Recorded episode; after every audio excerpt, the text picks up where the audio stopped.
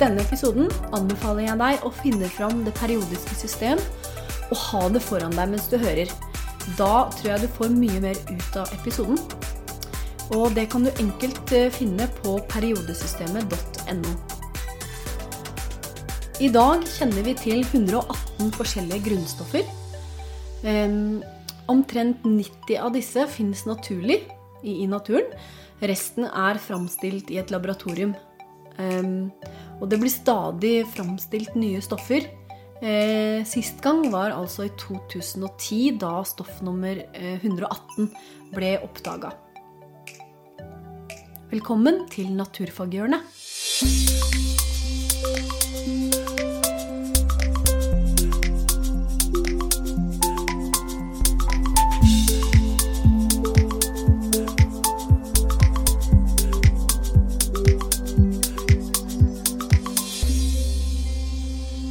Stoff som består av én type atom, kalles et grunnstoff. Jern er et grunnstoff, f.eks. Og i jern så er det altså bare jernatomer. Eksempler på andre grunnstoff er gull, sølv, oksygen, hydrogen. Alt på jorda, eller egentlig alt i hele universet, er bygd opp av disse grunnstoffene. Og alle disse stoffene kan plasseres i en tabell som heter det periodiske system, eh, også kalt periodesystemet. Her er grunnstoffene plassert i en bestemt rekkefølge. Ehm, og hvis du noen gang lurer på om et stoff er et grunnstoff, så kan du bare sjekke periodesystemet. For det første så er stoffene delt inn i to store hovedgrupper, nemlig metaller og ikke-metaller. De fleste grunnstoffene er faktisk metaller. Og ikke-metallene er plassert helt til høyre i tabellen. Eksempler på metaller er kobber, jern og sølv. Og et kjennetegn på metallene er at de blir blanke hvis de blir pussa, og de leder også varme og elektrisitet veldig bra. De fleste har også en eller annen form for grå eh, farge, grå eller mot hvit, bortsett fra gull og kobber. Gull er jo litt sånn gulaktig, og kobber er rødbrun-brunaktig. Eh, eksempler på grunnstoff som er ikke-metaller, kan jo være oksygengass eller helium eller svovel. Periodesystemet er også delt inn i grupper og perioder. De vannrette rekkene kalles perioder. Eh, og det betyr at alle stoffene som ligger på samme linje, de har like mange elektronskall. I forrige episode så snakka jeg litt om hva det var. At det var de banene som elektronene gikk i rundt kjernen i, i atomet. Og um, de som altså er på samme linje, har samme antall elektronskall. Og de loddrette rekkene i periodesystemet kalles grupper. I de fleste gruppene har stoffene samme antall elektroner i ytterste skall. Det er på en måte fellesnevneren, da.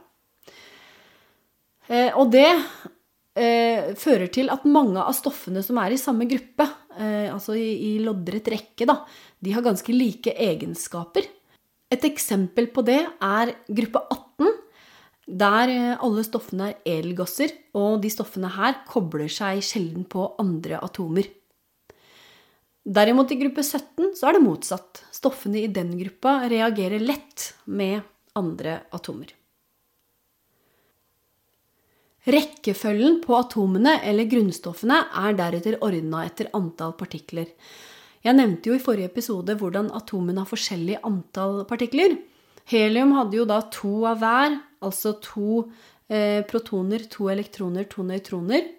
Um, og er da på plass nummer to i periodesystemet, mens eh, litium da har tre av hver og er på plass nummer tre, mens gull, som har 79 av hver, er på plass nummer 79 osv.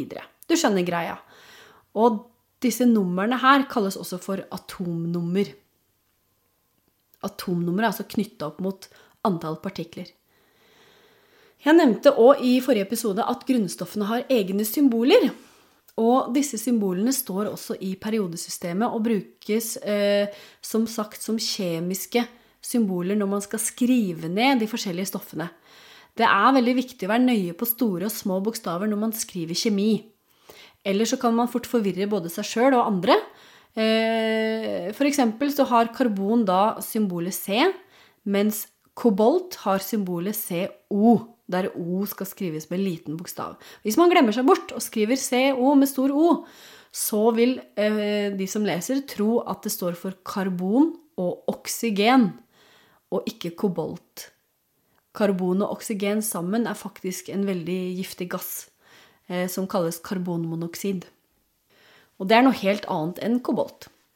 Eh, jeg nevnte i innledningen en nettside kalt periodesystemet.no. Jeg anbefaler deg å legge den siden inn i bokmerkene dine. Her får du eh, til enhver tid en enkel oversikt over grunnstoffene, og det er lett å klikke seg rundt på de ulike stoffene og finne ut mer om de.